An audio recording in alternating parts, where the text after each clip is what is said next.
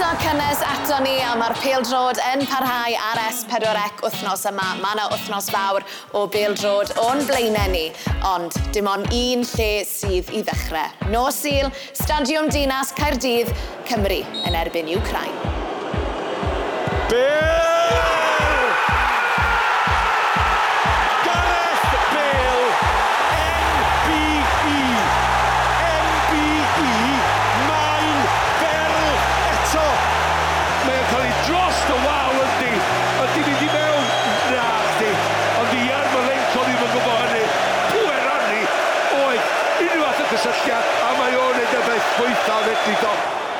James. Môr efo fo. A James di cyrro i fyd. Oedd o ddigon cyflu.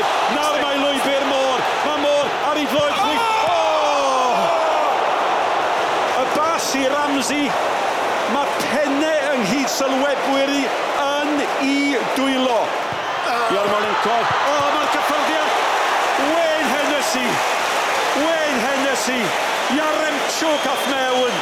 Mae werth i ddeud eto. Wayne Hennessy. Cyfle i ergydio. Mae o'n pasio allan at Roberts. Roberts mewn. Môr yn mynd amdani! A mae taro postyn! A Johnson yn taro postyn! Johnson eto. Mae gymffon o ar i fyny. Mae wedi cael tymor cofiadwy. Yes! O, nawr te. Bale! Mae Bale yn gwybod oedd i colli cyfle. Mae Bwsgan yn gwybod i fod oedd achub i wlad. Sinchenko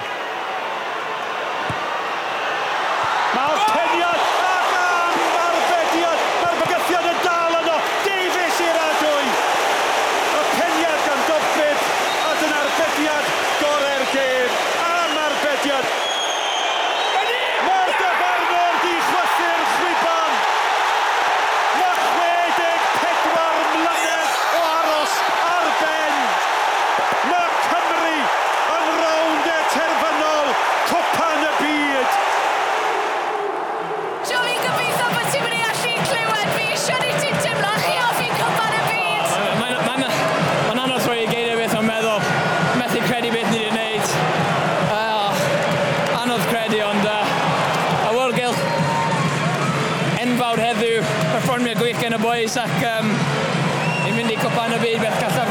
It's difficult to put into words, but something we've been working all our, um, all our careers for. And to do this for the fans, for the nation, for ourselves, for our families is uh,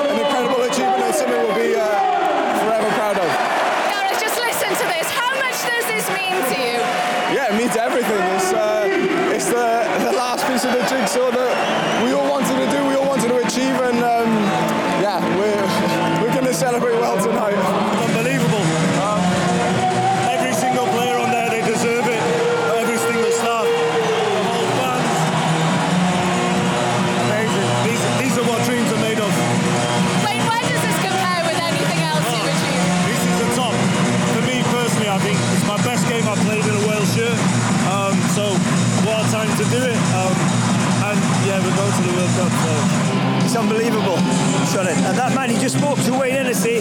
For me, went to another level today. I always knew he was a world-class goalkeeper, and he showed his worth tonight. I thought he was outstanding. You came into this job under really challenging circumstances.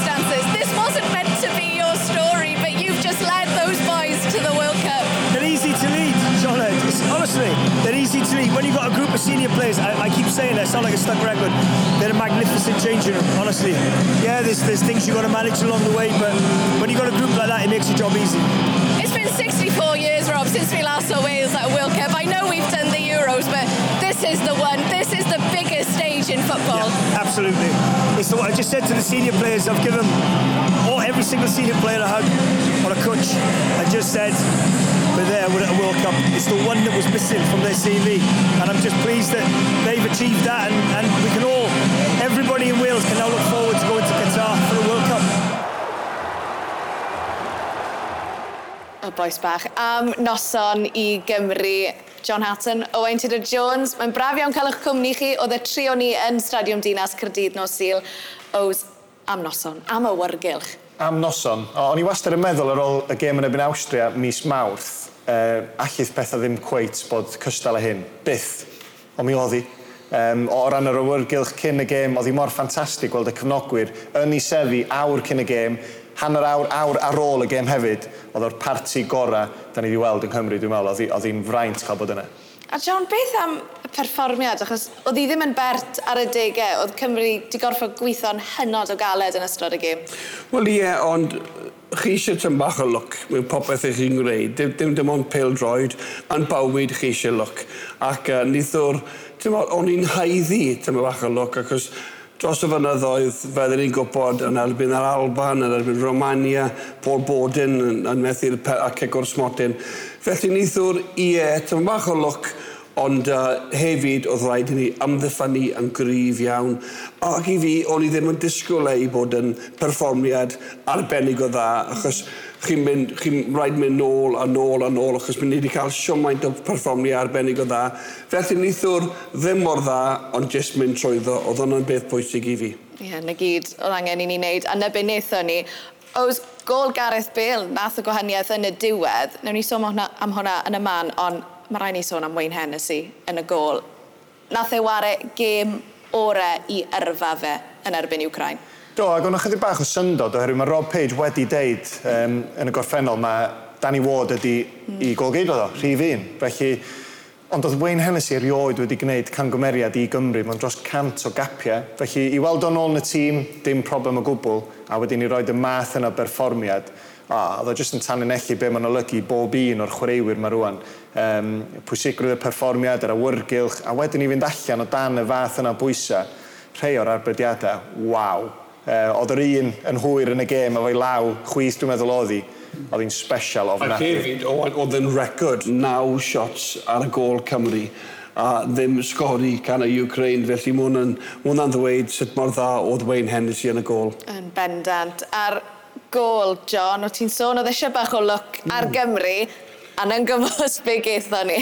Wel ie, na gyd oedd Gareth Bale moyn gwneud yw just roi trad trwydd o'r Bale gyd, gyd siomaint o power a accuracy a Ia Malenko sy'n trio peno'r bel i ffordd am Cornel. Mae jyst yn mynd, yn mynd, gol i unan. Tyn bach yn lwcus i'r Ukraine, ond mae rhaid dweud Gareth Bale eto, os mae'n ddim yn creu, mae'n sgori, ac unwaith eto, mae'n sefyll y lan ar nos di Sil. Oh, Oes, mae bach o bentos gyda Robert Page nawr, achos i fe'n i cyta, dim ond 23 chwaraewr mae fe'n cael dewis. Mae fe'n mynd i cael lot o waith caled i wneud, o ran penderfynu pwy sy'n cael mynd ar yr awyren yna. Dyna'r sefyllfa oedd o eisiau bod ynddi, paratoi ar gyfer cwpan y byd. Dwi'n meddwl bod o eisiau mwynhau a dathlu'r canlyniad yn ebyn Wcrain i ddechrau, ond mae gen fo geir pen. Mm. A, a dwi'n meddwl bod y fuddigoliaeth yn mynd i newid e, cyngred y cenhedloedd rwan, edrych ymlaen at y gema, yn lle bod ni'n meddwl, o oh, na, da ni'n gorau gwynebu e, iseldiroedd a gwlad Belg mm. um, ar ôl cael yn cnocio allan. Ond mae o'n gyfle rwan i'r chwaraewyr garfan brofi rob Pace, da ni'n heiddi bod ar yr awyr yna i Qatar, e, a dyna sydd yn mynd i adio e, llawer, dwi'n meddwl, i'r gema nesaf yma. John, y grŵp mas yn Qatar, Cymru, Iran, yr Unol Daleithiau ac wrth gwrs Lloegr.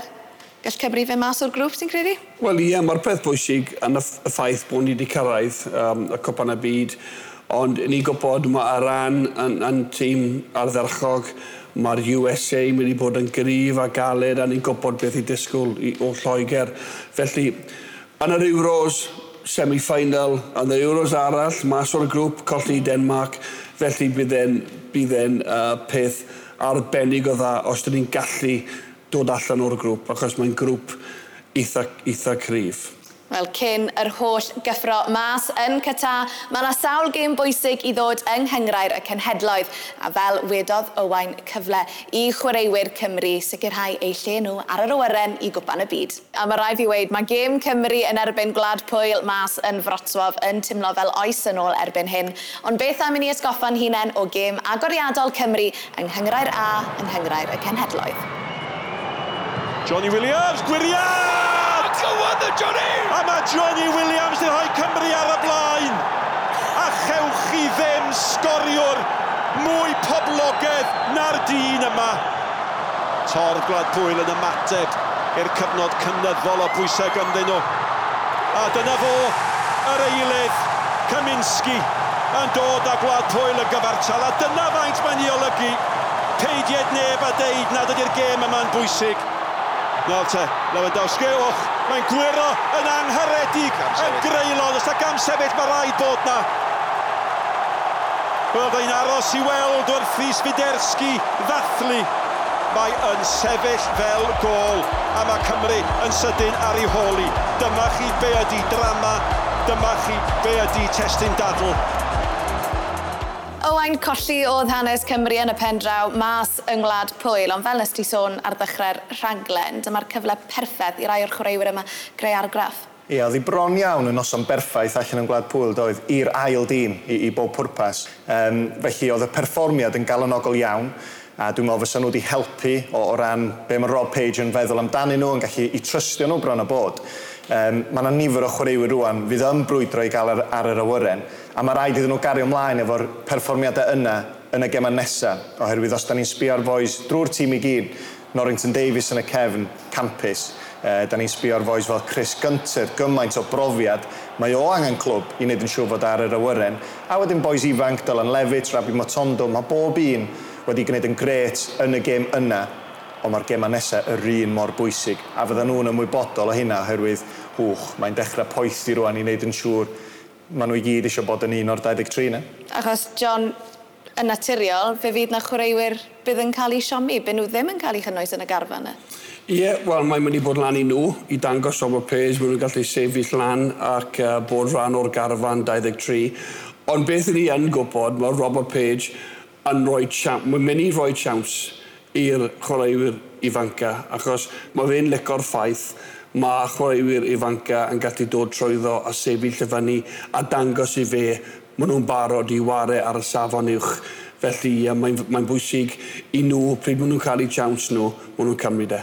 A wrth gwrs, Owain, mae fe'n gyfle i Paige gallu arbrofi pethau hefyd, arbrofi gyda'i dactegau. Yndi, ac yn amlwg, dyna di pwysigrwydd y gema yma, cael cyfle i wneud hynna sbio nôl i'r Euros dwytha, oedd o'n cael dewis 26, a dwi'n meddwl bod hynna'n help o ran ti'n gallu efallai dangos chydig bach o empathy a dod â chwaraewyr efallai sydd yn dod â lot i'r garfan, ond fydden nhw ddim yn dod ar y cae. 23 ti'n mynd gallu gwneud hynna. Felly dyna pam fod yr er perfformiad yn ebyn pwyl i foes fel Johnny Williams yn mynd i fod yn dda iddo fo. Um, felly mae'r ma, ma Mae'r frwydr ymlaen, dyna lle da ni eisiau bod. A wedyn boes fel Ruben Colwell i ddod yn ôl i fewn i'r tîm. Wes Burns, nath yn gampus yn ei gap cyntaf fo. Um, mae'n mynd i fod yn ddifur iawn. Nid just pwy sy'n yn yr un o'r ddeg, pwy sy'n gwneud ti fewn i'r garfan. Yn gymos dyma'n un gêm sydd wedi bod yn y grŵp hyd yn hyn, ond dyma sut mae pethau'n edrych o ran Cymru. Maen nhw yn y drydedd safle oherwydd bod yr iseldiroedd wedi sgorio peder gol yn erbyn Gwlad Belg nos Wener. A owain, o'n i'n gwybod oedd y grŵp mewn mynd i fod yn her enfawr, ond o leia ni ddim ar y gwylod. Mae hwnna bach o newyddion da i Gymru. Yndi, mae rhaid i ni edrych ar y positives. Eh, so ni'n licio pwynt yn amlwg, ond be da ni eisiau di peidio gorffen yn bedwerydd yn y grŵp er mwyn aros yn grŵp, yn grŵp A efo'r big boys os licio di. Oherwydd dyna pam mae'r tîm di gweithio mor galad er sawl blwyddyn bellach yn y gystadleuaeth yma i wynebu y tîm mawr. Eh, felly, da ni eisiau aros yna yn amlwg, a mae hynna'n golygu rwan da ni'n gwynebu rhai o'r goreion yn y byd, iseldiroedd, gwlad Belg, ond gema cartra yn erbyn nhw. Da ni'n ffansio'n hynna'n yn erbyn unrhyw un yn Stadiwm Dinas Caerdydd, felly uh, edrych ymlaen at y gema. John, nos fercher, yr iseldiroedd bydd yn dod i gyrdydd. Fel nath Owain sôn, mae fe'n mynd i fod yn her enfawr. Yn enwedig, sa'n credu oedd neb yn disgwyl no. i nhw fuddi Gwlad Belg o bedair gol i un. Na, dim fi, dim fi chwaith uh, pedwar gol i un i'r iseldiroedd. Ond mae rhaid dweud maen nhw'n tîm ardderchog o dan Louis Van Hal. Mae record bendigedig gyda fe ers bod wedi mynd fewn fel y reolwr newydd. Mae nhw gyda chwaraewyr fel Stephen Bergwain o, o, o Spurs a Memphis Depay wrth gwrs a chwaraewyr sy'n wario i Barcelona. Felly i fi, os mae fi'n disgwyl lot allan o'r gemau sy'n dod lan, mae rhaid dweud, ni wedi colli gêm cynta ni yn erbyn y glad poel. Gemau galed iawn, ond nawr mae Robert Page yn meddwl am adeiladu, paratoi i'r Copan y Byd, felly mae'n rhoi siawns iddo fe i newid yr formation a'r tactegau, pethau fel hyn. A da ni erioed wedi cael canlyniad yn erbyn yr iseldiroedd. E, erioed wedi cael gêm gyfartal, erioed wedi cael buddigoliaeth, ond mae'r tîm yma wedi creu hanes dros y blynyddoedd dwythaf, felly pam ddim unwaith eto? A o ran gwlad Belg, jyst yn gloi, o, ni'n dîm yn ni'n gyfarwydd iawn â nhw, ond oedd bach o feirniadaeth am Roberto Martinez. Oedd, dwi'n meddwl, pan da ni'n sôn am y mawrion, dyn nhw ddim isio y gystadleuaeth yma ar ddiwedd tymor. Felly, da ni wedi gweld Kevin De Bruyne, Gwlad Belg, Virgil van Dijk yr iseldiroedd yn beirniadu gorfod chwarae pedair gêm yn y gystadleuaeth ar ôl tymor mor hir. Felly, gobeithio bod ni'n dal nhw ar amser da, lle dyn nhw'n cweit isio bod yna, a gobeithio fydd Belg yn cario ymlaen efo record wael ar ôl colli yn drwm. O, gobeithio, wir. A just i'ch atgoffa chi fod pob gêm Cymru yn fyw ar S S4C. I ni'n dechrau gyda Cymru yn erbyn yr iseldiroedd nos fercher.